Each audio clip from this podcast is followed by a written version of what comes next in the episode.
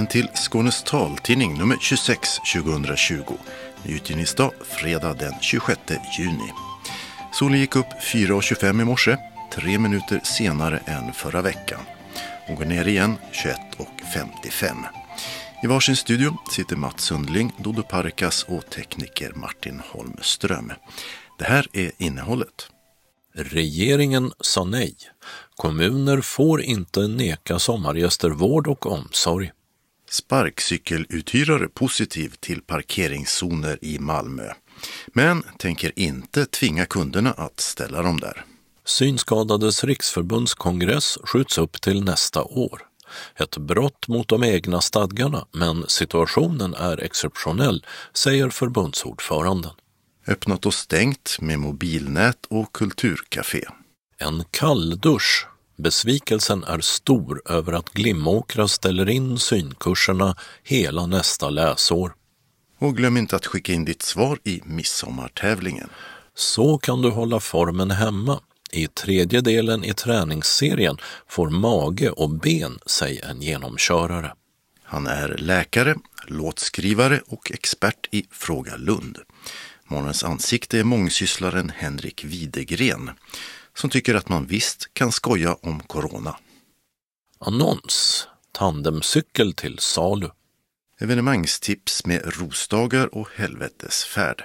Kalendern därpå med hömånad och brojubileum. Och anslagstavlan med meddelanden och ändringar i kollektivtrafiken. Och allra sist som alltid redaktionsrutan. Kommuner får inte rätt att neka sommarboende hemtjänst. Det beslutade regeringen i förra veckan. Under våren har ett antal kommuner vädjat om att få tillstånd att säga nej med hänvisning till coronaspridning och ett pressat läge för hemtjänsten. En riksdagsmajoritet är sedan Centerpartiet förenade sig med Moderaterna, Kristdemokraterna och Sverigedemokraterna för en tillfällig ändring av socialtjänstlagen så att kommuner ska få en tillfällig rätt att säga nej.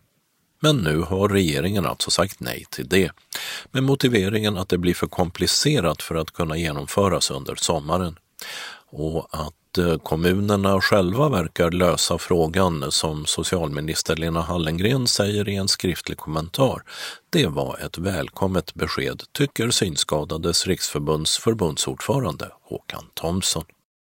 Jag är stolt över att vi har en regering i Sverige som står upp för funktionshindrades rättigheter och eh, jag tycker att eh, det är ynkligt av de här kommunerna som eh, bara vill se svårigheter och faror i det här.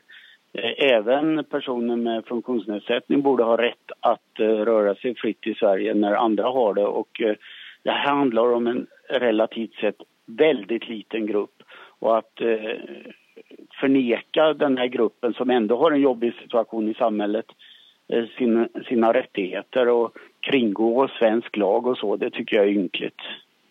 Nu är det en del kommuner runt om i landet som har sagt att de klarar av att ge hemtjänst i sommarboende men andra har som en kommentar till det här beslutet från regeringen sagt att de tänker strunta i det och strunta i att ge hemtjänst till eh, sina sommargäster ändå.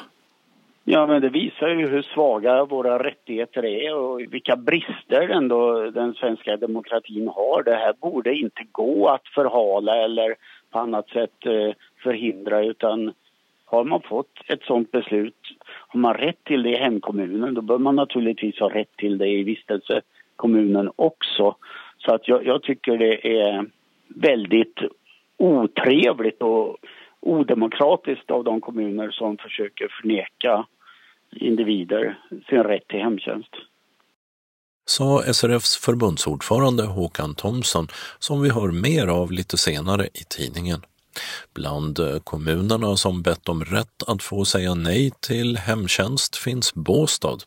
Där har kommunstyrelsens moderata ordförande Johan Olsson Svanstein sagt till SVT att deras beslut att neka sommargäster hemtjänst ligger kvar eftersom de inte kan erbjuda det som efterfrågas.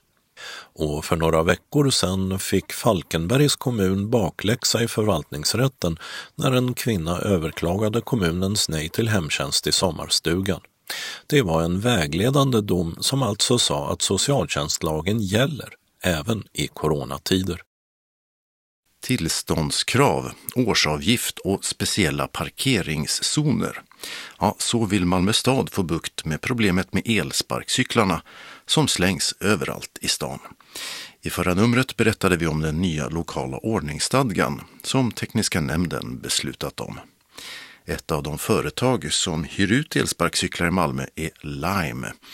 Och där säger man sig se positivt på Malmös nya regler. Fast tvinga kunderna parkera på bestämda ställen, det vill man inte. Niklas Jönsson är Nordenchef på Lime. And what we did was help them, you know, uh, share our data uh, of where, you know, where does it actually make sense to create parking? Where do the where do people use the scooters? Where do they want to park scooters? And so we help to jointly identify uh, the best places to park scooters, basically. So we're quite excited about that project. Um, truly appreciate the, the, the, cooperation with Malmö. Vi har delat med oss av data om var folk använder elsparkcyklarna och var det kan vara vettigt att inrätta parkeringszoner, säger Niklas Jonsson. Vi tror att det kommer att hjälpa folk att parkera bra och det är bra att staden hjälper till att utbilda förarna. Men eh, Lime kommer inte att programmera sina elsparkcyklar så att de bara kan parkeras i de särskilda zonerna. Um, no, actually that's not how it works. Um, but I mean, I think first of all, we will put our scooters some of these places ourselves. Um, so people can take them from there and, and, and, and ride off. Uh, and then users will also park at these places. And how we do it is that we we show in the app uh, where the where these parking zones are. So the, they are clearly shown um, with colors and symbols in, in the app, so it's easy to find. And then on the ground uh, at the actual parking space, the physical parking space, there will be uh, you know a designated parking spot, and there's a sign showing that this is for scooter parking and such. Um, so that's how it's going to work. Nej, det är inte så det kommer att fungera. Vi kommer att ställa våra elsparkcyklar på dessa platser så att förarna kan ta dem där. Användarna kommer också att parkera dem där. Det går till så att vi visar i appen med färger och symboler var parkeringszonerna finns och på marken kommer de att märkas ut med skyltar. Att erbjuda rabatt till förare som parkerar i zonerna är inget som Lime har planer på just nu, säger Niklas Jonsson, men man tittar på det. Den avgift på 1 825 kronor per elsparkcykel och år som Malmö tänker ta ut för att bland annat minska antalet elsparkcyklar är för hög, tycker Niklas Jonsson. I think the overall fee, as I've heard it suggested, um, is is, uh, is a bit expensive, um, but this is something we are in dialogue with the city about. Lime för alltså en dialog med Malmö stad om avgiften. Den behövs inte för att minska antalet elsparkcyklar. Lime anpassar redan antalet efter behov, säger Niklas Jonsson. Well, I think we, we already think about quite a lot how many schools we have and how many we need. And um, we, we, we take actually the number of scooters, we adjust it up and down based on how big the demand is. And, and that's a big, you know, a big factor to that is uh, seasonality. So in winter, we have less scooters than in summer. It's a dynamic uh, fleet uh, count that we have in, in general. Antalet elsparkcyklar varierar alltså efter årstid, flest på sommaren. Till de som retar sig på sparkcyklar slängda varstans säger Niklas Jonsson att Lime är övertygat om att det går att ändra folks beteende med teknologi genom att guida dem till parkeringszonerna och så ha områden där det inte går att parkera. We, we use the model where scooters can be parked uh, and we guide users to where they should park and we show them via our app where you can see it clearly and now you can also see it in the streets of Malmö soon physically on the on the on the ground and then there are some places where we simply don't allow uh, scooters to be parked Det sa elsparkcykelföretaget Limes Nordenchef Niklas Jönsson. Reporter var Birgitta Fredén. Synskadades riksförbund flyttar sin kongress till nästa år. Det har SRFs organisationsråd beslutat Kongressen var planerad att hållas i oktober i år men är nu flyttat till 17 till 20 juni 2021. Ett brott mot SRFs stadgar, men situationen är exceptionell. Det säger förbundsordförande Håkan Thomsson. Ja, det är ju coronan som ställer till det och eh, en SRF-kongress är en ganska stor tillställning. Vi är eh, kanske 150 personer lite drygt med ombud, styrelse, valberedning, revisorer och gäster och, och eh, kanslipersonal. Så att, att genomföra kongressen i oktober i år som var planerat känns inte realistiskt helt enkelt. Det är ju dels eh, ska vi då ta oss till kongressen och dels vara tillsammans under kongressen. Och eh, vi vet ju inte riktigt hur coronaläget kommer att vara i oktober. Och nu hade vi chansen att avboka hotellet eh, där vi skulle vara i Göteborg utan kostnad om vi gjorde det före midsommar.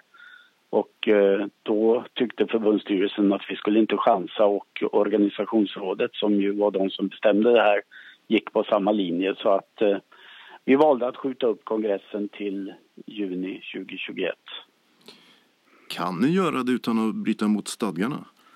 Nej, det kan man inte. Det bryter mot stadgarna. Men å andra sidan så är det här ju en helt exceptionell situation och eh, jag menar, regering och riksdag hanterar ju detta som ett nationellt krisläge och eh, har speciella befogenheter och eh, därför tyckte förbundsstyrelsen att det var rimligt att gå till organisationsrådet och och be dem fatta ett sånt här beslut. Och det var ingen diskussion, det var ingen som tyckte att kongressen skulle ligga kvar i oktober 2020.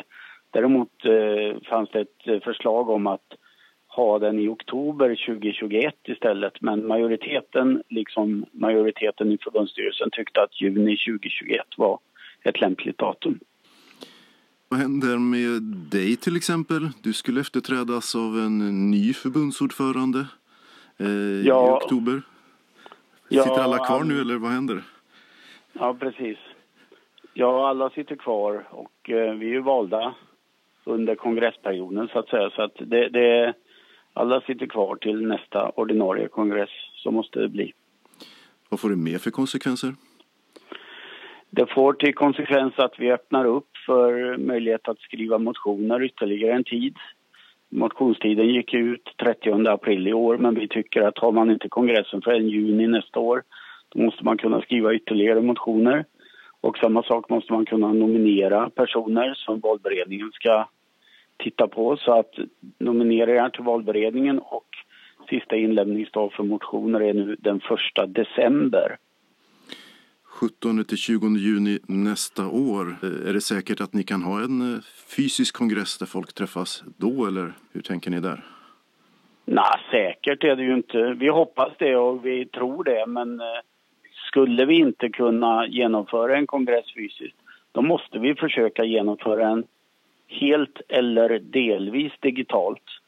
Och då får vi lösa det och då har dessutom kansliet längre tid på sig nu att ta fram ett system som skulle fungera. Kansliet tyckte inte det var realistiskt att ha en digital kongress i oktober i år. Men nu får man alltså åtta månader till på sig att titta på system som skulle kunna vara tillgängliga nog och eh, användbara för synskadade. Och, och, det kan vara ett alternativ men jag hoppas verkligen att det blir en en kongress där vi får träffas på plats för det blir mycket bättre och det blir mycket bättre diskussioner och de här mötena även utanför kongressalen är också viktiga så att det skulle kännas jättetråkigt om vi inte kan genomföra kongressen på ett normalt sätt. Men går det inte, då blir det helt eller delvis digitalt istället. Eh, en del av era distrikt och eh, ja, många andra istället för fysiska möten har man haft telefonmöten, till och med årsmöten med många inblandade. Är det något ni har övervägt? Ja, alltså vi har ju rekommenderat det och eh, det är klart att det är en sak att ha ett årsmöte på ett par, tre timmar per telefon. Men att ha en kongress som tar fyra dagar, att ha den på telefon, det är inte samma sak. Och eh, vi bör ha rimliga sätt att räkna röster och så. På kongresserna brukar vi ju ha mentometrar. Skulle man ha telefonmöte så måste man ju ha namnupprop och det vet vi ju sedan gamla tider att, att det var något som tog väldigt lång tid. Så att, nej, alltså kongress på telefon är ett, inget attraktivt alternativ, det är det inte. Hur känner du själv inför att eh, inte sluta i oktober utan fortsätta? ja, jag kan ju säga att mina känslor har ju gått upp och ner här. Alltså jag har ju sett fram emot att göra en, en eh, kraftfull avslutning på mitt ordförandeskap och hade verkligen sett fram emot och gett järnet nu under sista året här och det har ju känts som att simma torrsim kan man säga. Det, det, det är ju väldigt mycket som har ställts in och flyttats fram och svårt att genomföra och så. Vi har fått hitta nya aktiviteter och nya mötesformer och så, men det har inte varit samma sak. Jag hoppas ju att situationen normaliseras så jag får chansen att avsluta mitt ordförandeskap på ett lite mer kraftfullt och, och kreativt sätt. Men eh, annars så, att vara förbundsordförande i SRF, det är nog det roligaste jobb man kan ha. Så att jag är inte ledsen för att få ha det i åtta månader till, men, men däremot hoppas jag att omständigheterna ska göra att jag kan göra något vettigt av det. Sa Håkan Thomsson som alltså fortsätter som SRFs förbundsordförande till juni nästa år. Reporter var Mats Sundling. Öppnat och stängt. I förra veckan öppnade det första mobilnätet för 5G i Skåne, det vill säga femte generationens nät med väsentligt snabbare överföringar och svarstider än tidigare nät. I alla fall för de få som idag har en 5G-mobil. Den större kapaciteten behövs också för att allt fler apparater vill kommunicera med omvärlden, som till exempel självkörande bilar. En fråga för framtiden då kanske. Först ut blev i alla fall operatören 3 och stadskärnorna i Malmö, Lund och Helsingborg. Konkurrenten Tele2 ser att de ska öppna sitt första 5G-nät i Malmö nu i juni. Och andra lär också vara på gång. I Ystad har modebutiken Krisi som ligger på gågatan stängt. Butiken hade adressen Stora Östergatan 18. Och inte långt därifrån i Ystad har en pop-up butik, Nice Price kallad, öppnat i JCs tidigare lokaler på Stora Östergatan 28. Åtminstone fram till september räknar affärsinnehavarna med att ha öppet. Och I butiken kan man hitta allt från presentartiklar till vintage. I Tomelilla har Torgkiosken öppnat i ny regi. Det är Lisas skafferi i Ystad som tar över. Utbudet är dagens lunch, pasta, räksmörgås och det vanliga gatuköksutbudet. De har öppet alla dagar mellan 11 och 20, utom fredag och lördag då man stänger klockan 23. I Lund har Kulturens Café öppnat även för den som inte besöker museet, fast bara på morgnarna, måndag till fredag mellan klockan 8 och 9.30. I Malmö har restaurangen Embesjöv Sagrintinia stängt för gott. Adressen var Västergatan 31. På Triangeln i Malmö har den lokala kafékedjan Katarina öppnat sitt sjätte kondis. Den ligger på hörnan där Albrekts guld låg tidigare. Och på samma Triangeln i Malmö har damklädesbutiken Annabelle öppnat i lokalen som Pagelle huserade i tills i vintras. Adressen är David Hallsgatan 27. Inriktningen är mode i klassisk stil och sen tidigare har de en butik i Kronprinsens köpcenter i Malmö och en annan i Kristianstad. Det blir inga synkurser på Glimåkra folkhögskola under hela nästa läsår. Det beskedet ger nu skolans ledning. Under våren har synkurserna varit inställda bland annat på grund av personalproblem. Tidigare kursdeltagare drog i vintras igång det så kallade synupproret för att få till stånd kurser igen. Och inom SRF är besvikelsen nu stor, säger en av initiativtagarna till uppropet, Jan-Olof Asp. Man kan ju ana saker och ting, när det här beskedet kom så blev det ändå en kalldusch och en stor besvikelse. Eftersom vi har jobbat hårt med det här synuppropet för att försöka att få många att teckna sig för att gå på de här kurserna och det är många som har gjort det. Det finns flera skäl till att skolans styrelse beslutat att inte ordna några synkurser nästa år, säger biträdande rektor Anna Björk som är ansvarig för synkurserna. vi har haft förändringar i personalen de senaste åren som har gjort att vi Ehm, inte bedömer att vi har fullt ut den kompetensen som vi behöver för att kunna bedriva kurserna. Det handlar också om ekonomiska förutsättningar och vi ser också att ur ett arbetsmiljöperspektiv så har vi haft svårt med kurserna ehm, då mycket av vår personal jobbar på våra årslånga kurser och det, när vi har de här korta kurserna som kommer in så blir det en ganska hård arbetsbelastning eh, just den veckan det dessutom är kortkurs. Så utifrån egentligen de tre aspekterna så har vi fått i uppdrag, skolledningen för Glimåkra folkhögskola har fått i uppdrag av styrelsen att eh, under det kommande läsåret jobba med eh, utreda helt enkelt vad ser vi för förutsättningar för att starta igång synkursverksamheten igen på ett hållbart sätt utifrån ekonomi, arbetsmiljö och de här sakerna som jag nämnde nyss. Så det är inte tänkt att synkurserna ska bort för alltid? Nej, det finns inget sånt beslut att vi, att vi har lagt ner den här verksamheten. Men vi behöver tid på oss att eh, arbeta med frågan och se hur finns det förutsättningar att genomföra kursverksamheten på, på ett bra sätt. Hur blir det med preparandkurserna för ungdomar då? Ja, preparandkursen är vi väldigt glada över att den eh, startar vi igång här igen.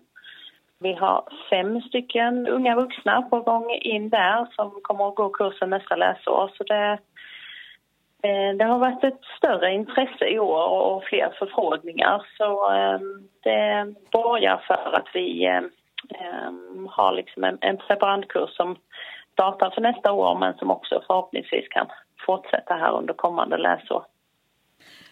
Vad beror det större intresset på? Vet du det? Eh, vi jobbade väldigt aktivt med att nå ut lite längre i Sverige. Vi såg kanske att vi tidigare haft ett eh, upptagningsområde eh, framför allt i, södra regionen av landet. Men vi nådde ut lite längre så nu har vi någon deltagare ända uppe från Örebro och Jönköping och så som kommer till kursen.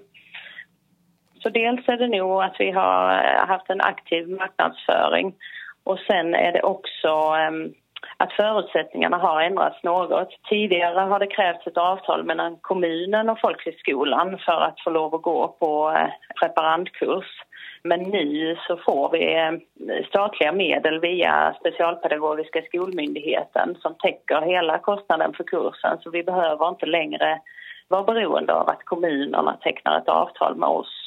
Och där har ni personal också? Ja, det har vi. Det har vi. Men den personalen skulle alltså inte kunna jobba med synkurser för vuxna? Nej, i nuläget är det inte så, nej, utan vi har fått in eh, synpedagog med rätt kompetens för att möta målgruppen. Men denna kombinerar sin tjänst här med ett annat uppdrag och kommer alltså inte att kunna jobba heltid här hos oss. Eh, det hade kunnat vara, Eh, göra en skillnad i den här frågan. I dagsläget skulle Glimåkra inte kunna ta verksamhet för personer över 70 år på grund av coronapandemin. Men coronan är inte skälet till att kurserna ställs in nästa läsår. Inte heller Region Skånes negativa inställning till synkurserna. Psykiatri, habiliterings och hjälpmedelsnämndens kristdemokratiske ordförande Per Einarsson kallade dem i vintras för lägerverksamhet som regionen inte bidrar till. Men inte heller det har varit den avgörande faktorn, säger Anna Björk. Men... Eh, det är klart att eh, hade Region Skåne haft en annan syn på kurserna i Glimåkra och skickat många deltagare till kurserna så är det klart att det eh, hade varit större förutsättningar för oss att bedriva mer kortkursverksamhet.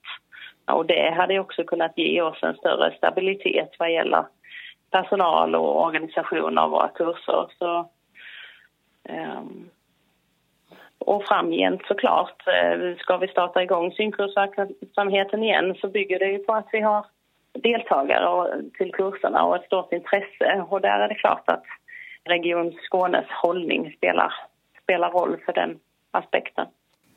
När nu kurserna på Glimåkra inte blir av försöker SRF Skåne få till utbildning på andra sätt, säger styrelseledamoten Jan-Olof Asp. Till att börja med så måste vi uppmana människorna att eh, ta kontakt med sina syncentraler. ofta är det ju utbildningar i smartphone, iPhone och så vidare som är de mest efterfrågade och egentligen mest nyttiga. Och man säger ju på syncentralen att man har kompetensen och att man kan arrangera kurser. Men frågan är om hur långt det räcker och de klarar av en anstormning här på människor som kommer och inte har några andra möjligheter än att vända sig till syncentralen. Och så undersöker vi andra möjligheter. Det är ju att uh, göra små telefonkurser internt där man åtminstone kan få hjälp med att, eh, att ställa in telefoner rätt så, så att man har någon nytta av det. Och den tredje biten, om man säger så, är att vi undersöker om vi själva inom SRF Skåne kan arrangera utbildningar fram till eh, nästa vår, om inte annat. Och där finns ju möjlighet att söka pengar för detta. Så att vi undersöker om det finns någon annan folkhögskola eller bildningsförbund som vi kanske kan samarbeta med så att vi får igång synkurserna igen så fort som möjligt. Men när det blir, det vet vi inte. Region Skåne vill ju inte stötta kurserna på Glimåkra. Tror du att de skulle kunna tänka sig att eh, skicka folk till andra kurser som ni ordnar själva eller så? Vi får ju hoppas det. Vi har ju, försöker ju i alla fall ha en öppen dialog med dem. Men de brukar hänvisa till att deras syncentraler har all den kompetens som behövs. Men det betyder ju verkligen starkt. Jag tror inte det är så. Den här senaste terminen har det inte varit några synkurser alls på Glimåkra. Hur har det drabbat era medlemmar? Ja, vi har ju fått eh, väldigt många ledsna reaktioner. Alltså det kom ju så plötsligt. Man har ju ansökt och till och med kommit in på kurser som skulle ha gått i vår. Och sen kommer ju plötsligt ett besked att de är inställda tills vidare. Och då vet man inte hur man ska hantera detta. Det finns ju människor som har satsat pengar själva och köpt telefoner men det finns ju ingen adekvat utbildning att få egentligen någonstans. Förutom Glimåkra och syncentralerna. Anna Björk förstår besvikelsen hos de som tänkt sig att gå en kurs på Glimåkra. Ja, vi har kontakt med flera av eh, tidigare eh, kursdeltagare här och medlemmar i SRF och eh, har full förståelse för att, eh, eh, att det känns väldigt tråkigt att inte få lov att komma till Glimåkra under den här perioden. Och vi, eh, vi är glada och tacksamma att eh, de på olika sätt jobbar för att vår verksamhet ska kunna komma igång igen och vi har samarbete med SRF där vi liksom uppdaterar varandra kring utvecklingen och eh, hur vi jobbar vidare med frågan. Kan de göra någonting? Eh, I nuläget så ehm, är ju beslutet fattat inför nästkommande läsår så där går det inte att göra någonting i nuläget, nej. Ehm, sen är det klart att SRF är ju en eh, aktör som kan påverka eh, politiker i Region Skåne och det vet jag att de redan gör och jobbar med och vi som skola har också haft kontakter i regionen där vi beskriver situationen och vårt perspektiv. Ehm, så såklart eh, så tycker jag att eh, på många plan är de en aktör som, som, som kämpar för rättigheter för den här gruppen och rätt till att kunna gå de här kurserna. Så det, det ser vi ju gärna att de, de fortsätter och det vet jag också att de gör. SRF Skåne kommer alltså att jobba på att få till stånd utbildning i främst iPhone på andra håll. Men helst vill man ju ha kurserna på Glimåkra, säger Jan-Olof Asp. Man ska komma ihåg att Glimåkra har ju ett väldigt starkt varumärke som folkhögskola, att de vårdar det här varumärket som verkligen återkommer med synkurserna. För de har ju onekligen kompetens och de kan det här, kan sin sak, att de verkligen fortsätter. Det är det vi hoppas på. Så vi har ju en dialog med dem hela tiden om detta.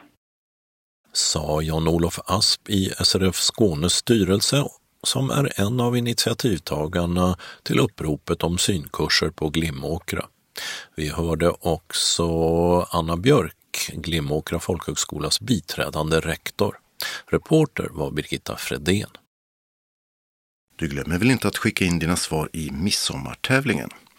I förra veckans nummer testade vi vad du kan om den pigga 75-åringen Pippi Långstrump. Fina priser finns att vinna för alla som skickar in sina svar så att vi har dem senast på tisdag nästa vecka, alltså den 30 juni. Så ska vi få fler tips på träning som man kan utföra där hemma. I två tidigare avsnitt har vi hört Fatmir Seremeti visa övningar alla kan göra hemma, speciellt lämpade för den som inte ser. Och rumpan, ryggen och bröstet har fått sig en omgång. Nu fortsätter vi med mage och ben och tar en stol till hjälp.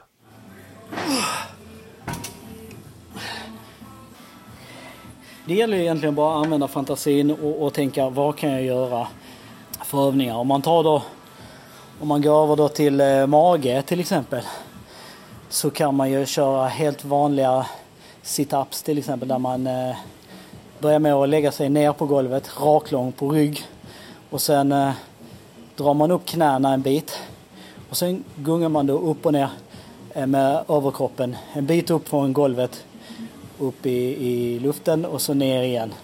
Eh, försök att inte komma ner ända ner till golvet och se hur många man klarar av utan att liksom gå ner helt och hållet. För då tar det mest. Eh, och så kan man köra så. Vill man då ha lite mer på nedre delen av magen då kan man sätta sig på till exempel en stol och så sitter man så långt ut man kan på stolen. Se bara till att man hittar en stabil stol som inte välter så lätt. Så sitter du på sitsen och så drar du fram rumpan så långt ut på kanten som möjligt. Och så drar du upp benen så de är rakt framför dig och sen gungar du med dem upp och ner. Kanske 20-30 centimeter. Och här kan man faktiskt köra på tid. Kanske börja med 30 sekunder gånger 3 gånger 4 och så höja tiden allt eftersom det känns lättare. Man kan också sära på benen så långt ut och så in igen mot mitten. Och även jobba i cirklar med fötterna ihop och så jobbar man i cirklar. och Gör nollor med båda benen åt, åt samma håll liksom. Eh, och så kör man först ett håll och sen ett annat håll. Och då får man mycket bål och mage. Man kan också sätta fötterna på, på stolen och då har man magen ner mot golvet. Och så börjar man med att lyfta på ena foten och ut åt sidan och ner nästan i golvet på ena sidan. Eh, och så upp igen med, med den foten, upp på stolen och så lyfter man på andra benet eller andra foten från stolen. Ut åt, åt sidan dutta i golvet nästan. Och så upp igen. Och så jobbar man så här, ena benet först, andra benet sen. Den kan man också köra på tid, kanske börja med 30 sekunder och öka allt eftersom eh, nivån höjs. En stol kan man använda till väldigt, väldigt mycket. Man kan köra knäböj till exempel. Ehm, och här är ju väldigt viktigt att man tänker på att man, hur man utför en knäböj. Om man ber någon att sitta ner eh, som inte är van vid att göra knäböj exempelvis så kommer man automatiskt att föra knäna framåt först och sen så böjer man på överkroppen och så sätter man sig ner. Här ska vi tänka på att försöka hålla knäna på samma plats. Knät får aldrig passera tårna. Eh, det får aldrig vara framför tårna utan det måste vara bakom. Tanken är att skjuta rumpan bakåt samtidigt som man böjer på knäna. Och då, om man skjuter rumpan bakåt samtidigt som man böjer på knäna, då kommer man att känna lite mer i rumpan istället för att eh, böja på, vad ska man säga, överkroppen för mycket och så. Utan här får man jobba med rumpan istället. En knäböj är egentligen ganska mycket rumpträning och, och baksida lår. Och det är det vi vill komma åt. Och tänk dig då att du, du säkrar upp så att du har en stol bakom dig om det är jättejobbigt att göra knäböj och så säkrar du upp så har du en stol bakom dig och sen ska du sätta dig ner på stolen. Fast det är inte det vanliga sättet som du brukar göra utan mer skjut, genom att skjuta rumpan bakåt och böja på knäna. Eh, och då, föll, då faller ju automatiskt överkroppen ner som ett, ska man säga, som ett L rakt neråt. Och då, då blir det mer rätt. Och så fort man har nuddat stolen med rumpan, då reser man sig på sig igen. Och börja med att köra kanske 15 stycken och känner hur det känns. Så gör det gånger fyra eller gånger fem. Eh, och på så sätt stärka. Om man tycker det här är alldeles för lätt så kan man testa att köra utan stol. Om man fortfarande tycker det är jättelätt så kan man faktiskt testa att köra på ett ben. Och det är faktiskt väldigt bra för, för oss som inte ser så bra att köra knäböj på ett ben. Men då rekommenderar jag att man står nära en vägg eller nära någonting som man kan hålla handen på så man får hjälp med balansen. Eh, lyft på ena benet rakt bakåt i 90 grader och sen böjer du på det benet du står på. Precis som innan vi sa, rumpan bakåt, så böjer du ner till 90 grader och upp igen. Och då är det viktigt att försöka hålla så lite som möjligt mot väggen så att balansen får jobba jättemycket. De här små musklerna som stabiliserar i fotled och knä, knät och eh, höfterna, att det får jobba jättemycket. Tänk även här att knät aldrig får gå framför tårna. Sa Fatmir Seremeti, mångårig kapten för det svenska goalball-landslaget. Nästa vecka ger han några förslag på konditionsträning som funkar utmärkt att kombinera med styrkeövningarna vi hört om tidigare. Reporter var Mats Sundling. Han är heltidsarbetande läkare, men också föreläsare, musiker, låtskrivare och sitter med i expertpanelen i tv-programmet Fråga Lund. Men hur kombinerar man alla dessa intressen? Och kan man skoja om allt? Månadens ansikte i juni är Henrik Widegren, som när han ska presentera sig själv brukar ta det i den här ordningen. Jag är ju läkare först och främst. Eh, Öron-näshalsläkare och eh, foniater. Och foniater är en sån sak som inte alla känner till. Det kan inte vara vår vanligaste specialitet. Eh, men foniater är alltså röstläkare. Jag träffar mycket eh, hesa patienter, jag undersöker stämband, opererar på stämband. Jag är då en liten stämbandsnörd. Alla ska nörda in på någonting inom vården och jag älskar stämband kan man säga. Så det är väl mest öron-näshalsläkare och foniater. Men sen också så är ju Ja, jag gillar ju annat också så jag väl... Eh, jag ser mig nog också... Eh, artist låter så pretentiös men jag är ju ute och sjunger eh, en hel del. Eh, skriver låtar eh, och eh, så det får jag nog säga att jag är också faktiskt. Follow my advice. Never google your symptoms. That is my only prescription. You get a hundred diagnoses, a medieval prognosis. Every sign is a serious condition. Vi träffas i Lundagård, mitt i Lund och sitter på en parkbänk med det vita, pampiga universitetshuset från slutet av 1800-talet bakom oss. Och framför oss universitetsplatsen med den stora fontänen i centrum som bidrar med vattenbrusande ljud. Och var vi skulle träffas, det valde Henrik Widegren Jag tycker det är väldigt fint, någon slags nav i Lund. Kanske främst akademiskt Lund, men även i Lund tycker jag. Men det finns ju, universitetshuset finns här såklart och så mittemot finns ju AF, eh, Akademiska föreningen, som eh, jag själv väl tillbringar många jag ska inte säga bortslösade timmar, men många timmar när jag pluggade. Och på mycket med spexen, med Lundaspex och Torrispex där. Och det är väl där som jag har väl lärt mig, tycker jag nog ibland, lika mycket som jag faktiskt lärde mig på läkarutbildningen. Inte bara såklart att eh, att skriva manus eller stå på scen. Men det är faktiskt saker som, jag vet inte, som man har jättemycket nytta av i jobbet. Eh, allt från omöjliga projekt till att eh, jobba under stress eller till att försöka umgås med människor som är omöjliga att umgås med. Och jag tror det, det, det, det är en bra, bra läxa, bra att lära sig. Och så finns det också klart också, med Lundagård och domkyrkan här också. Det är en väldigt vacker plats. Men eh, det här med att du lärde dig att umgås med omöjliga människor. Vad var det i spexandet som gjorde att du lärde dig det här? Man får lära sig att ta alla sorters möjliga människor. Ibland när man pluggar så kan det bli lite jag ska säga Lund är liksom inte segregerat på något sätt fast ibland så när man läser medicin så umgås man kanske mest om medicinare och ibland läser man ingenjör så det träffar man teknologer på, uppe på LTH men inom spexen tycker jag så träffas med alla sorters människor. Alltifrån de snällaste, det är de mest gladgalna människor. Eh, och alla har man som mål att eh, ja, man har en premiär om en månad och det måste alla fixa. Och så löser man det och man är uppe ibland och jobbar hela nätterna. Man måste peppa varandra och eh, jag vet inte, folk bryter ihop och folk, nej, men det är som att man, man får helt enkelt, man får, man får fixa det och så blir det bra till slut på något sätt. Det är en lite kaosutbildning. Ja men det kan man faktiskt säga. Kaospilot finns ju faktiskt som utbildning. Ja men det är något liknande, jag håller med. Jag håller med. Och det här att du skulle underhålla och förutom då att bli läkare, var kom det ifrån? Ja, spännande var den driften kommer ifrån. Jag, jag gillar att stå på scen, det måste man säga från början. Eh, men sen såklart gillar jag också att skriva låtar, jag gillar musik väldigt mycket. Så någonstans så, när man sen då skulle färdigpluggad och skulle börja jobba och sådana saker så, så vill jag fortsätta på något sätt. Det finns ju för sig jättemycket alternativ. Man kan, så många svenskar, man kan sjunga i kör och man kan, det finns ju många sorters av liksom jättefin amatörmusik och uppträdande i Sverige tycker jag absolut. Och jag har sjungit i kör också. Och jag sjöng ett tag också när, i en sånggrupp, a cappella-grupp, eh, sjöng barbershop. Eh, och det var jättekul, höll på ett tag. Men sen så efterhand så mer och mer så, ja, men så kände jag att jag ville jag skriva låtar, jag tycker om att spela gitarr också. Så började det lite grann som, ja det var en sån sjukhus after work. Jag har en kompis som började rodda i det. Det skulle lite underhållning där. Så tyckte han, men kan inte du spela lite låtar? Och så, så skrev jag lite låtar faktiskt som egentligen som någon slags eh, intern underhållning för, för folk på sjukhuset. Och sen så fortsatte det på den vägen. Så nu skriver jag låtar om lite allt möjligt. Och också litet lite band vi spelar. men jag, jag, tycker det är kul att hålla på. Och jag tycker att man kan jobba fast man har tid för annat också. From me to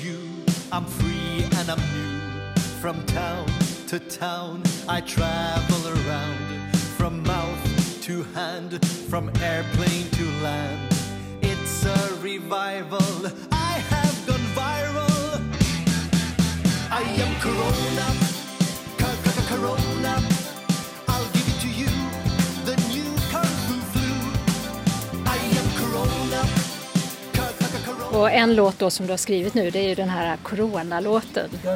Hur kom du på den då? Eh, få har ju undgått att vi haft en pandemi i, i, i världen i vår och eh, eftersom folk vet om att jag skriver låtar så brukar jag nästan jag får nästan veckoligen förslag från folk som kommer att ja men Henrik du måste skriva en sång om det här. Och det är alltid eh, mer eller mindre dåliga förslag. Eh, någon tycker att ah, vårt nya journalsystem är jättedåligt. Skriv en sång om det. Det kan inte så kul att skriva en sång om journalsystem även ifall det är lite lockande utmaning. Men så, så kom lite folk med förslag om att skriva en låt om corona. Först tänkte jag, äh, nej det pallar jag inte. Det, det kommer blåsa över på en vecka tänkte jag. Men liksom alla andra i det här landet så är man ju eh, plötsligt överraskad. Oj, det här blir växer och växer också. Ja, jag fick några, det var några för mycket som föreslog det. Så tänkte jag, ja men då får vi göra det. Och så passade vi på då att Försöker göra låten lite, jag vet inte, lite informativ. Och jag tror, jag tror på eh, underhållande utbildning, någon slags infotainment, edutainment som man säger. Så tänkte vi, kan vi få in både på vad man kan göra för att slippa smitta sig och också vill vi få in på ett sätt att eh, om man ser i den här musikvideon så har vi liksom filmat vad som händer när man hostar och hur mycket liksom det här hostet sprider sig. Och det är också ett sätt att visualisera hur lätt man smittar varandra egentligen. Och den fick ordentlig spridning? Jo, faktiskt. faktiskt. Den har ju faktiskt både i Sverige och eh, av någon anledning eh, Sydkorea gillar den. Sydkoreaner gillar den mycket. Men också i bästa delen av världen också faktiskt. Och när man tittar på den här då ser man verkligen hur eh, små, små vattendroppar sprids från munnen när man eh, hostar eller pratar eller sjunger. Ja. Är det på riktigt? Kommer det så mycket? Jo, men det, är är filmad med en höghastighetskamera. Vi, vi tog så bara lite, lite bubbelvatten i munnen för att så mycket saliv hade vi inte. Så, alltså, såklart, så för att göra vår point så får man så, så det ser lite volymen ser lite jobbigt mycket ut ibland. Men jag tror faktiskt spridningen, om man tänker vetenskapligt, så ja men spridningen tror jag nog kan stämma. Host är starkt och salivdropparna kommer, kommer långt. Ju mindre dropparna är ju längre kommer de. Men för att vi, alltså, lite, lite vatten i munnen, ja, håller med, det är lätt fusk, det, det stämmer. men corona det är ju superallvarligt för väldigt många och liksom en tragedi och sådär. Kan man göra humor av allt? vi ställer oss frågan absolut när vi spelar in detta, men jag tycker ändå att ja, min tes lite grann är att vi blir ju inte friskare för att vi går runt och är allvarliga och deppade av saker och ting. Så jag tror att här var det ändå värt, tycker jag också, att försöka få in något slags humoristiskt inslag. För jag tror liksom att informationen sprids bättre då. Det finns så mycket väldigt bra information men som är ganska torr också. Och liksom jag har fått lite mail från folk som sitter då i, i Korea tydligen som har de mycket mer striktare eh, karantän än vi har i Sverige till exempel. Och fick ändå lite mail från folk där som, som tyckte det var glatt att deras liksom, karantän blev lite roligare för att de kunde sitta och se på en, en kul video i alla fall. Det tycker jag är lite, lite kärt. Faktiskt. then do the freeze, then the fatigue, then do the headache, then try to breathe, then do the panic. I am Corona, Corona, say hooray, I am RNA. Du bor i Lund och, och arbetar i Lund, men eh, kommer du från Lund? Nej, jag föddes i Södertälje och växte upp eh, lite grann där och så mycket i Helsingborg faktiskt. Så jag kom till Lund först när jag började, när jag började studera. Nej, men jag blev lite kär i stan och har stannat kvar här sedan dess. Jag, jag tycker mycket om Lund faktiskt. Man kan säga att Lund är, liten, är ju en liten bubbla på något sätt. Jag brukar tänka att Lund är ju inte som resten av Sverige riktigt. Och det, jag tror det är såklart ett stort universitet eh, i en hyfsat liten stad. Och, men samtidigt tycker jag någonstans att eh, studenterna och eh, universitetet eh, skapar någon slags en tolerant atmosfär som jag tycker om. Allt är tillåtet. Eh, jag tycker att det är en sympatisk stad. Sen eh, så brukar man alltid få frågan hur ser man ut i det här eh, inslaget? Så hur ser du ut? Vi sitter här på en ganska skön varm dag framför universitetsfontänen. Jag har bara ett par beigea shorts på mig i sommar. En vit linneskjorta och ett par All Stars på fötterna. Så det, det, är ju ganska svalt klädd, men det är en varm dag. Jag har ett lätt oansatt skägg glasögon eh, och lite för långhårig just nu faktiskt. Man kan inte säga att jag är långhårig på riktigt men eh, lite mittemellan långhårig. Jag tänker på det här att då ta medicin lite, med en, eh, lite mer med humor. Mm. Kan det vara ett sätt att, att skydda sig mot någon form av eh, frustration man får eller liksom ångest av att se så mycket som jag tänker att man kanske ser som läkare?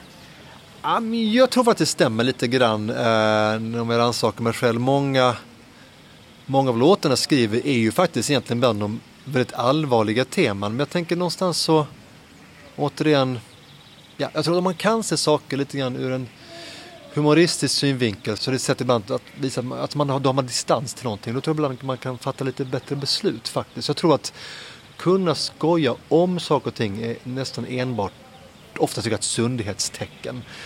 Vissa tycker att man då att man ska liksom inte skämta om allvarliga saker. Såklart i alla mina kanske sånger eller om man är ute och håller föredrag och sånt så handlar det såklart i förlängningen om sjukdom och lidande och död.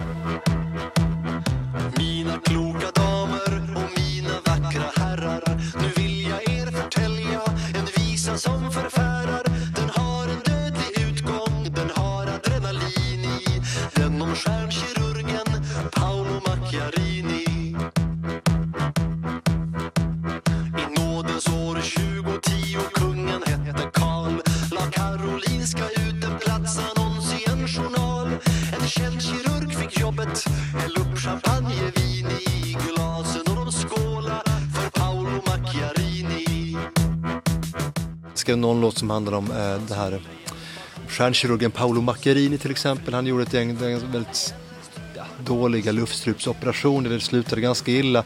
Den låter väldigt allvarlig också men den också försöker ge någon slags, den är skriven som en slags skillingtryck för att det är någon slags liten komisk pandang till detta. Liksom att om man skulle skriva en gammal mordballad om detta så hade det varit väldigt lätt att göra. För uppenbarligen var detta liksom, ja, det var många misstag på raken kan man säga som skedde detta. Så varför vill jag störa? Varför vill jag detta? Tragiska och obehagliga för er berätta. Glöm aldrig visan med usel medicin i. Den om stjärnkirurgen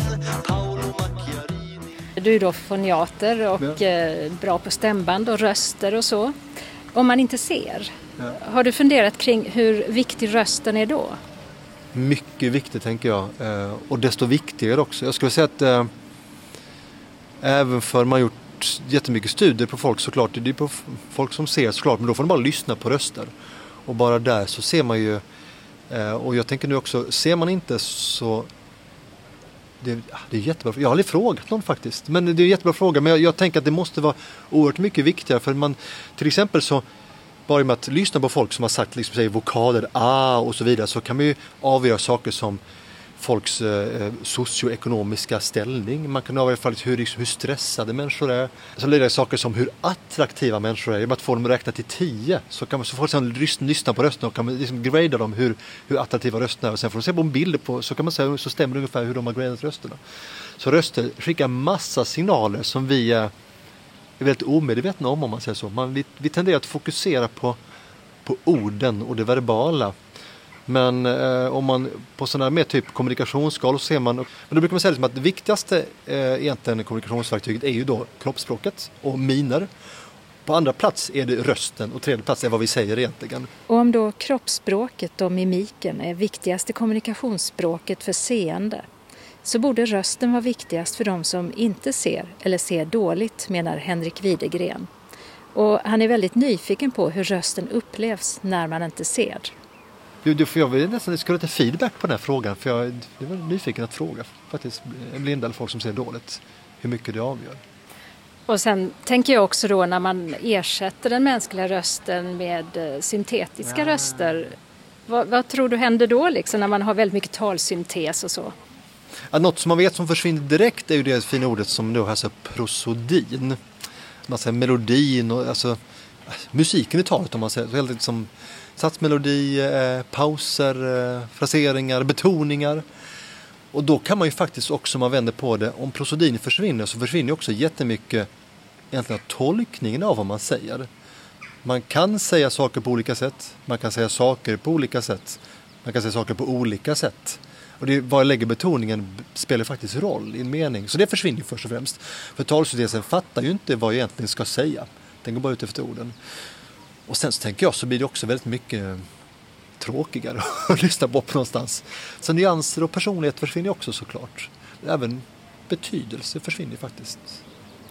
Ja, förutom att underhålla med kluriga sånger om medicin och hålla föredrag så är Henrik Widegren också med i Fråga Lunds expertpanel där han till exempel får svara på frågor om kroppsvätskor. Två deciliter per dygn? Per dygn, exakt. exakt. Och vi sväljer det mesta? Ja. Så under en livstid, hur mycket blir det ungefär? Då blir det ju eh, 80 år, ja, det blir eh, 6 kubikmeter. det är faktiskt det, man, det är sällan som det tas upp faktiskt. Ja. Oerhörda mängder snor. 6 kubikmeter. Och just snor och nästäppa vid allergi handlade också Henrik Widegrens doktorsavhandling om. Och när det gäller att vara med i Fråga Lund så berättar han att det kommer in massor av smarta och roliga frågor från de som följer tv-programmet. Och han känner sig aldrig så allmänbildad som veckorna efter att de har spelat in programserien. Men trots sitt intresse för att stå på scenen nu så var det inget han strävade efter när han var liten. Nej, jag var nog ändå hyfsat blyg tror jag. Jag minns att jag gillade att sjunga lite i kör och sånt också men annars var jag nog ganska... Ja, men jag var lite, lite mer åt det blyga, nördiga hållet, absolut. Ja, sån som mognar sent förmodligen. som så många akademiker, jag vet inte. Nej, men så jag tror det blev mer det som det kom igång mycket mer när jag kom till Lund faktiskt. Det gjorde det. Och om du eh, skulle göra någonting som du drömmer om framåt, vad skulle det vara då? Oj. jag vet inte. Mina låtar har blivit lite populära nu i Sydkorea. men jag har ju någon våt dröm någonstans om att åka på en turné till Sydkorea. När jag gjort det så kan jag dö liksom. När man, som artist man ska vara big in Japan liksom. Det är bara kul att kunna säga det. Kul att kunna säga att man haft ett gig i Sydkorea. Uh, jag vet inte om det kommer att hända. Men det ska vara kul. Det ska vara kul just nu. Och har du någon gång övervägt att uh, sluta vara doktor och vara artist på heltid? Nej, du har ingenting att skriva om. De mesta låtar jag skriver om handlar ju om, om sjukvård och medicin och sjukdom och så vidare. Och sen så är också, jag har faktiskt ett väldigt roligt jobb. Det är väldigt kul att vara läkare. Det är väldigt kul att träffa patienter. Ah, det är en utmaning att få, eh, få folk friska och om man inte får dem friska kan man få det så bra som möjligt. Och det tycker jag är väldigt... Äh, det, är, det är få jobb som går upp mot det. Äh, och sen också att det ah, är, ah, jättekul att spela musik och vara artist men det är ju faktiskt och det ska man, man ska verkligen ha respekt för, för artister och musiker. Det, det, är en hård bransch. Det är ett mycket lättare jobb att vara läkare helt ärligt också. Min, min dröm är att fortsätta vara både och. och. Än så länge så går det bra. Jag hoppas jag det ska fortsätta så. Ett nybesök i kvarten, annars kommer chefen efter mig. Och om jag tar för många prover kan jag säga tack och hej. När den sista utbrända patienten har fått sitt sjukintyg däckar jag på britsen och tar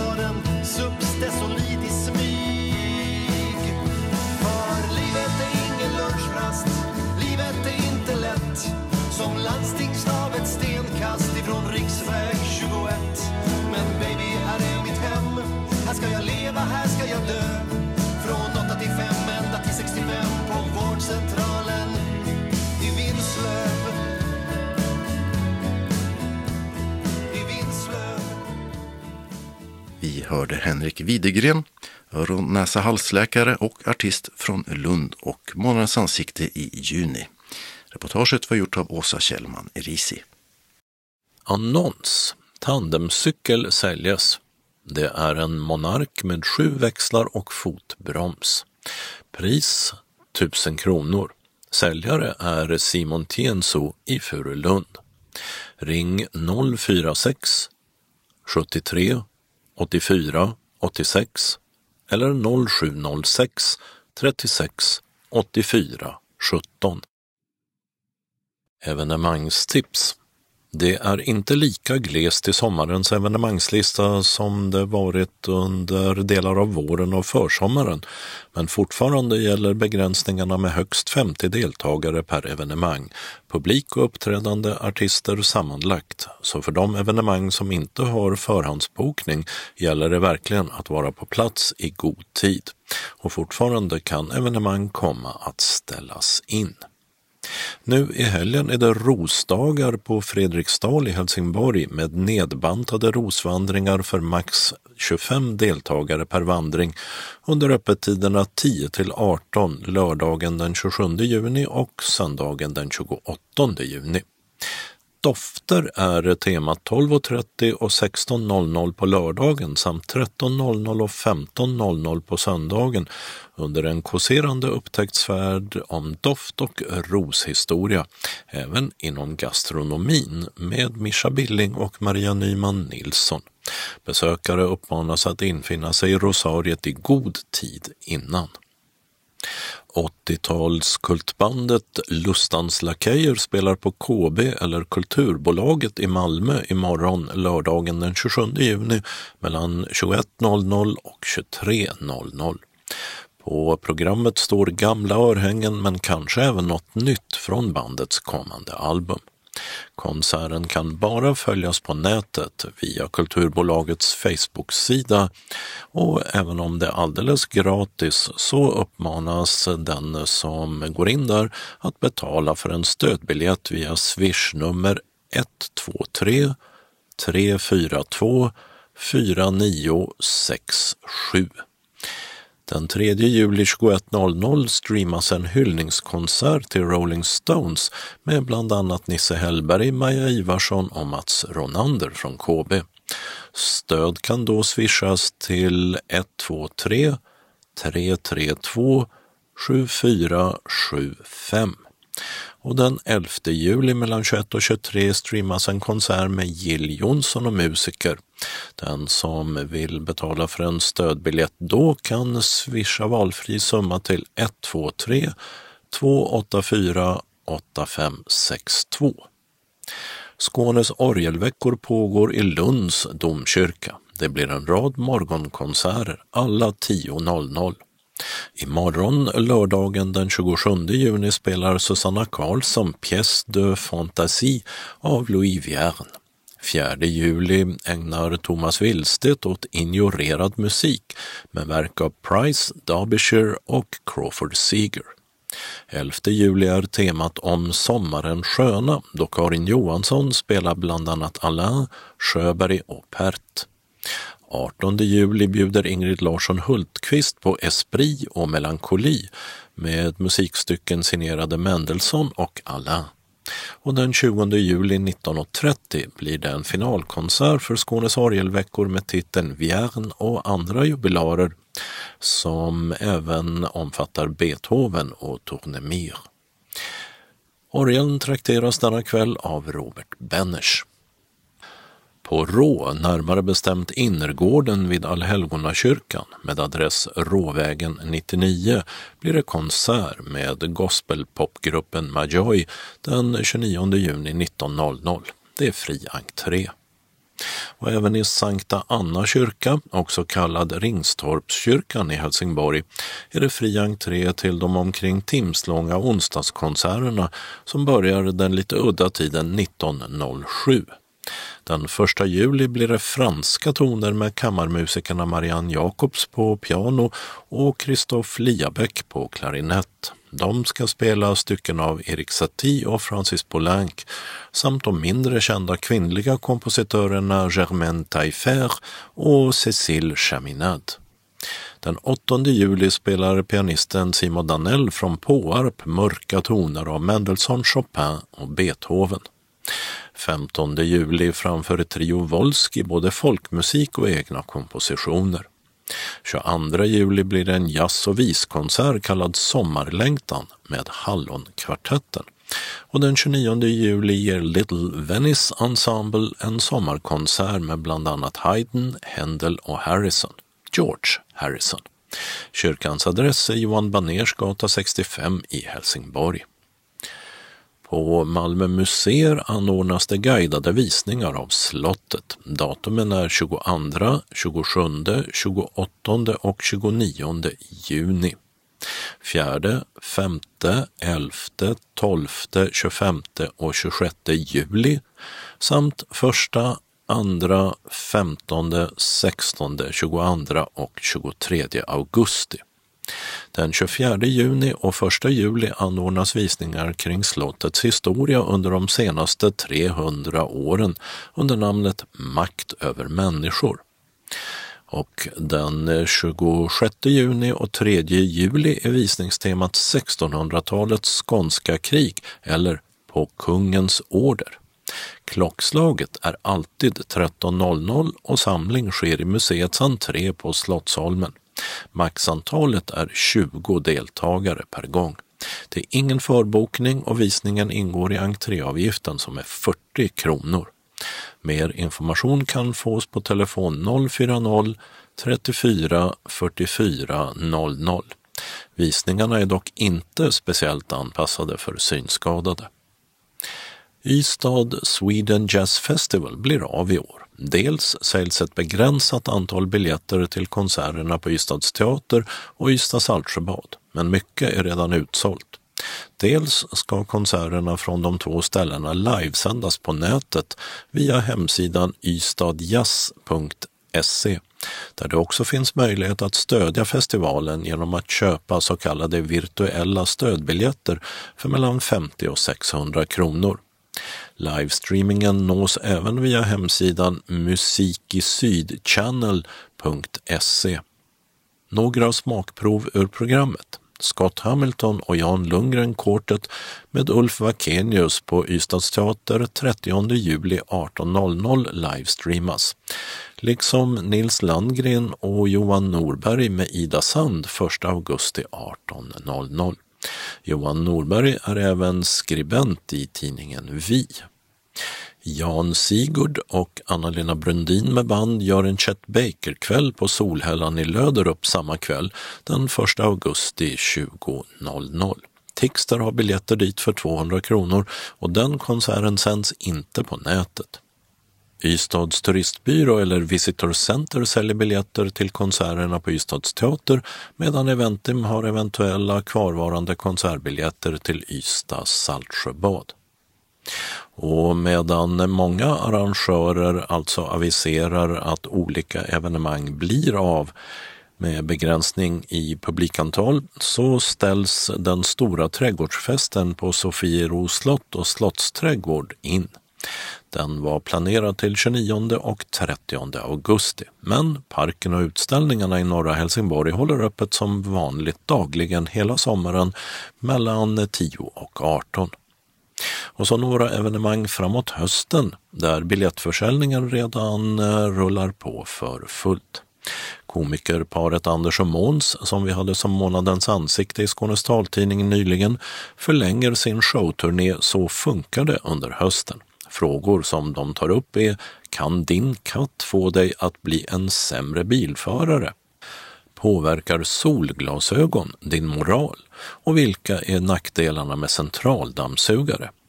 Till Ystads teater kommer duon den 30 september 19.00. Biljetter dit bokas via Eventim.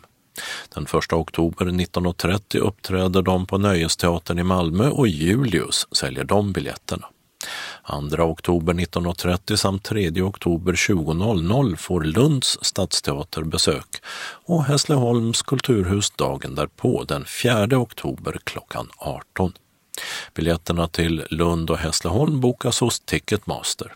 Alla biljetter kostar omkring 430 kronor, men i Lund finns också lyssnarplatser på balkongen för 274 kronor. Biljettinformation Eventim, telefon 0771 65 10 00. Ticketmaster 077 170 70 70. Tixter 0771 47 70 70. Julius 0775 700 400 och Ystad Visitor Center, Ystad Turistbyrå 0411 57 76 81. Kalendern för 2020 års 27 vecka börjar måndagen den 29 juni. Detta datum för 120 år sedan föddes den franske författaren Antoine de Saint-Exupéry, upphovsman till barnboken Lille prinsen, men även till flera vuxenböcker med flygtema. Ett ämne som för övrigt också återfinns i just Lille prinsen. Antoine de Saint-Exupéry var själv pilot och försvann 1944 under andra världskriget då han gjorde en flygning för de fria franska styrkorna. Hans böcker finns i talboksform och i punktskrift. Namnsdagsbarnen denna dag heter Peter och Petra. Tisdagen den 30 juni är Elofs och Leifs namnsdag och månaden juni, även kallad sommarmånaden, tar slut. Denna dag infaller den internationella asteroiddagen och här i Skåne kan man då skänka en tanke åt att en förödande tsunami drabbade det som idag är Fyledalen väster om Tomelilla för 145 miljoner år sedan. Anledningen anses vara ett asteroidnedslag en bra bit norrut i nuvarande Barents hav. Till de drabbade hörde bland annat de dåvarande skåningarna, dinosaurier och krokodiler. Upptäckten gjordes av Lundaforskarna Vivi Vaida och Jane Wigfors Lange för 14 år sedan.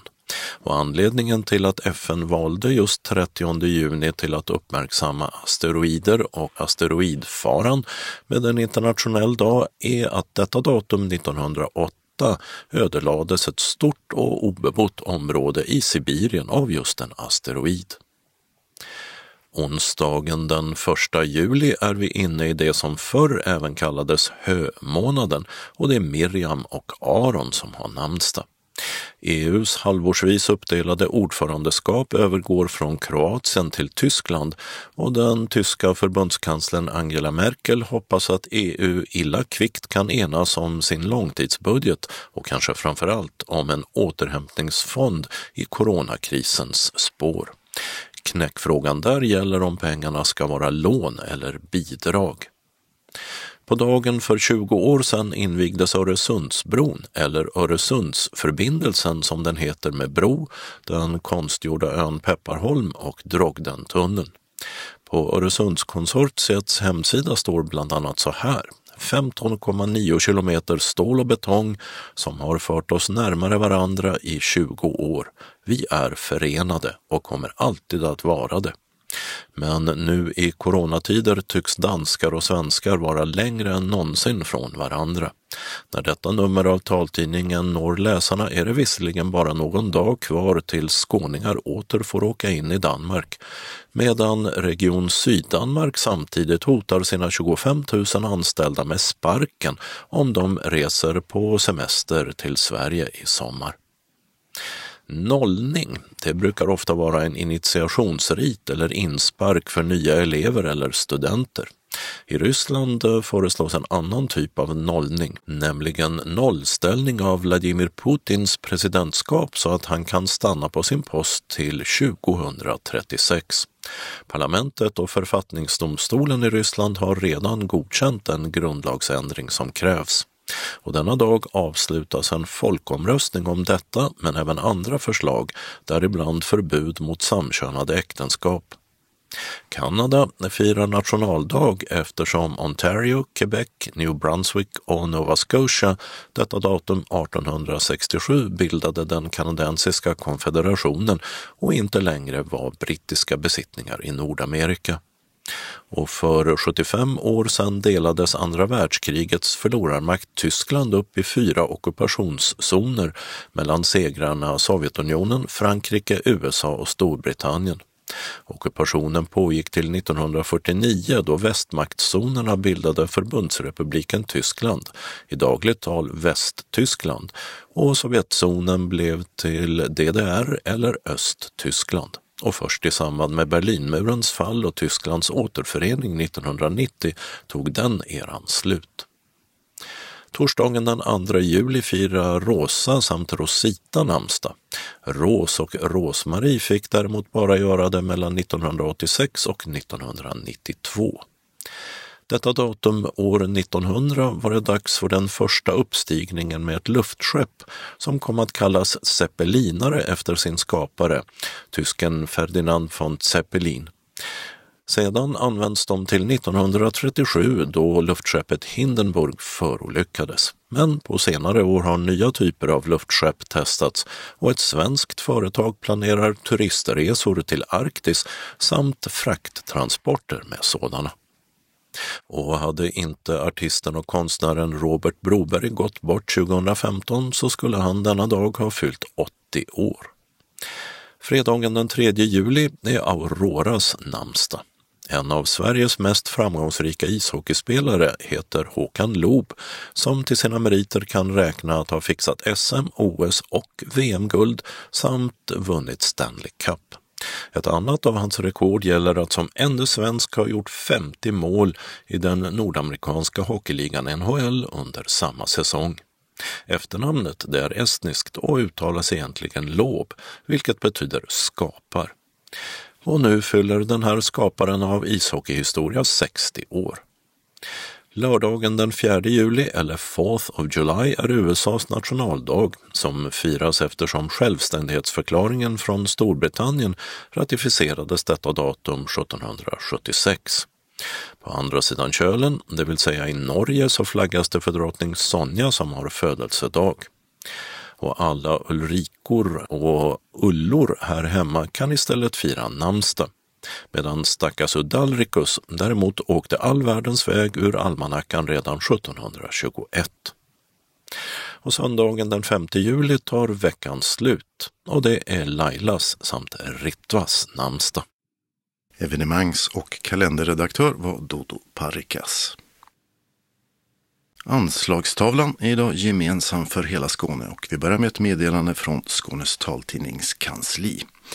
Kom ihåg att meddela oss om du ändrar adress, till exempel flyttar ut till sommarstugan. Vi får inga automatiska meddelanden om det och om du inte hör av dig till oss så får du ingen CD-tidning när eftersändningen upphört.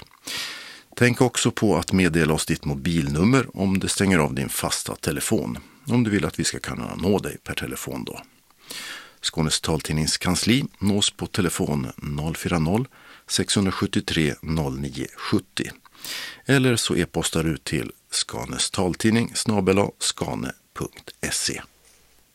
SRF Lundabygdens styrelse meddelar att på grund av rådande pandemi så tvingas vi ställa in SRF-träffen den 29 juni samt trädgårdsfesten på Habo gård den 22 augusti. Kansliet är semesterstängt hela juli månad och återbemannat den 3 augusti. Meddelanden kan lämnas på telefonsvararen som avlyssnas med jämna mellanrum. Styrelsen och kansliet tillönskar er alla en riktigt solig, varm och avkopplande sommar. Så har vi en inbjudan från SRF Trelleborg med omnöjd till ölprovning för alla intresserade. Onsdag den 29 juli klockan 18 på Hönsinge Hantverksbryggeri på Jordbergavägen 122 122-0 i Klaxtorp. Samling 17.30 på Trelleborg C för gemensam transport till Jordberga gods. Vi kommer att sitta under en underbar sommarhimmel ute i godsets trädgård. Här finns gott om utrymme och perfekt förutsättning för fysisk distans. För hand i en liten skala och med mycket glädje bryggs öl på utvalda ingredienser och med vatten från Slottskällan. I den gamla smedjan på godset ligger det lilla bryggeriet. Ölen buteljeras, kapsuleras och packas för hand innan den körs ut till butiker, restauranger, systembolag på Söderslätt och Österlen. Vi kommer att prova fem olika ölsorter samtidigt som vi får lära oss processen bakom att brygga öl. Dessutom får vi berättelsen om Hönsinge hantverksbryggeri. Från hobby till ett etablerat mikrobryggeri. Äkta öl för alla, som de säger. Den här aktiviteten är subventionerad för medlemmarna och kostar 200 kronor per medlem eller ledsagare. Då ingår provölen, en liten tallrik med tilltugg och gemensam transport från och till Trelleborg C. Vill du ha påfyllning betalar du den direkt på plats och med kort. Eftersom det blir rundvandring i lokalen bör du fundera på om du behöver ledsagare. Fixa gärna själv eller berätta om ditt behov när du anmäler dig. Och detta ska ske senast måndag den 6 juli till Lars Billgren. Mobil 070 832 1907 eller e-post till lars.billgren telia.com. En uppmaning till andra lokalföreningar. Hönsinge hantverksbryggeris trädgård rymmer många, så vi uppmanar andra lokalföreningar att passa på att svinga en bägare tillsammans med oss. Då gäller såklart Hönsinges egen prislista och villkor. Ölprovningen med visning kostar 290 kronor och tilltugget 100 kronor. Ni betalar på plats för det ni äter och dricker, helst med kort, hälsar man från Hantverksbryggeriet. Ni tar er till platsen i egen regi och ordnar själv med den ledsagning som ni behöver. Först till kvarn gäller för de platser som finns.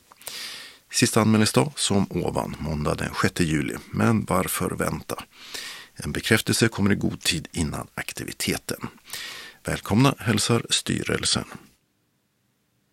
SRF Västra Skåne, alltså före detta SRF Helsingborg Höganäs, meddelar att kansliet är stängt för semesterledighet från och med måndag den 29 juni till och med fredagen den 24 juli. Vi önskar alla en skön sommar. Så några ändringar i kollektivtrafiken. Från och med lördag den 27 juni får skåningar resa till Danmark igen, även som nöjesbesökare. Danska regeringen beslutade i förra veckan att lätta på restriktionerna för svenskar som kommer från län där coronasmittan är låg. Om spridningen skulle öka kommer det att krävas negativa coronatester för inresa. Men som det ser ut nu i alla fall är det fritt fram att turista i Danmark igen. Under förutsättning att man kan bevisa att man bor i till exempel Skåne. Och för svenskar finns inte heller några krav på ett visst antal övernattningar för att få resa in, som gäller för andra länders besökare. Å andra sidan avråder svenska UD i talande stund fortfarande från icke-nödvändiga resor till såväl Danmark, Norge som Finland. Medan de i förra veckan hävde sin avrådan när det gällde tio länder i Europa nämligen Island, Portugal, Spanien, Frankrike, Belgien, Luxemburg, Schweiz, Italien, Kroatien och Grekland. Och de här länderna har redan sagt att de nu välkomnar svenska resenärer, oavsett om de är skåningar eller inte. Lokala variationer kan förekomma och det kan såklart ändras snabbt. Bäst att kolla innan resan. I Lund ska man börja arbeta på Pilgrimsvägen, vilket från klockan sju på måndag den 29 juni stänger stadsbuss 5s ändhållplats Råby-Lund. Fram till den 13 juli klockan 16 blir den nya ändhållplatsen Diakongatan. I Malmö drar ett vägarbete på Eriksfältgatan ut på tiden, så stadsbuss 8s hållplats Nydalatorget B fortsätter att vara flyttad cirka 50 meter framåt i körriktningen till den 10 juli klockan 15. Och till sist, på Tessinsväg i Malmö är ett annat vägarbete än mer försenat. Och stadsbuss 3 får fortsätta att ta en annan väg. Hållplatserna på gatan ska nu vara stängda ända fram till den 11 september. Närmsta alternativ är hållplatserna Fridhemstorget och Tekniska museet. Och då var det dags att sätta P för denna veckans Skånes taltidning. Nästa nummer kommer nästa fredag den 3 juli. Skånes taltidning ges ut av Region Skånes psykiatri och habiliteringsförvaltning. Ansvarig utgivare är Martin Holmström. Postadress Jörgen Ankersgatan 12, 211 45 Malmö. Telefon 040-673 09 70. E-post Skanes taltidning snabela skane.se och hemsida skanestaltidning.se Vi hörs igen. Hej då!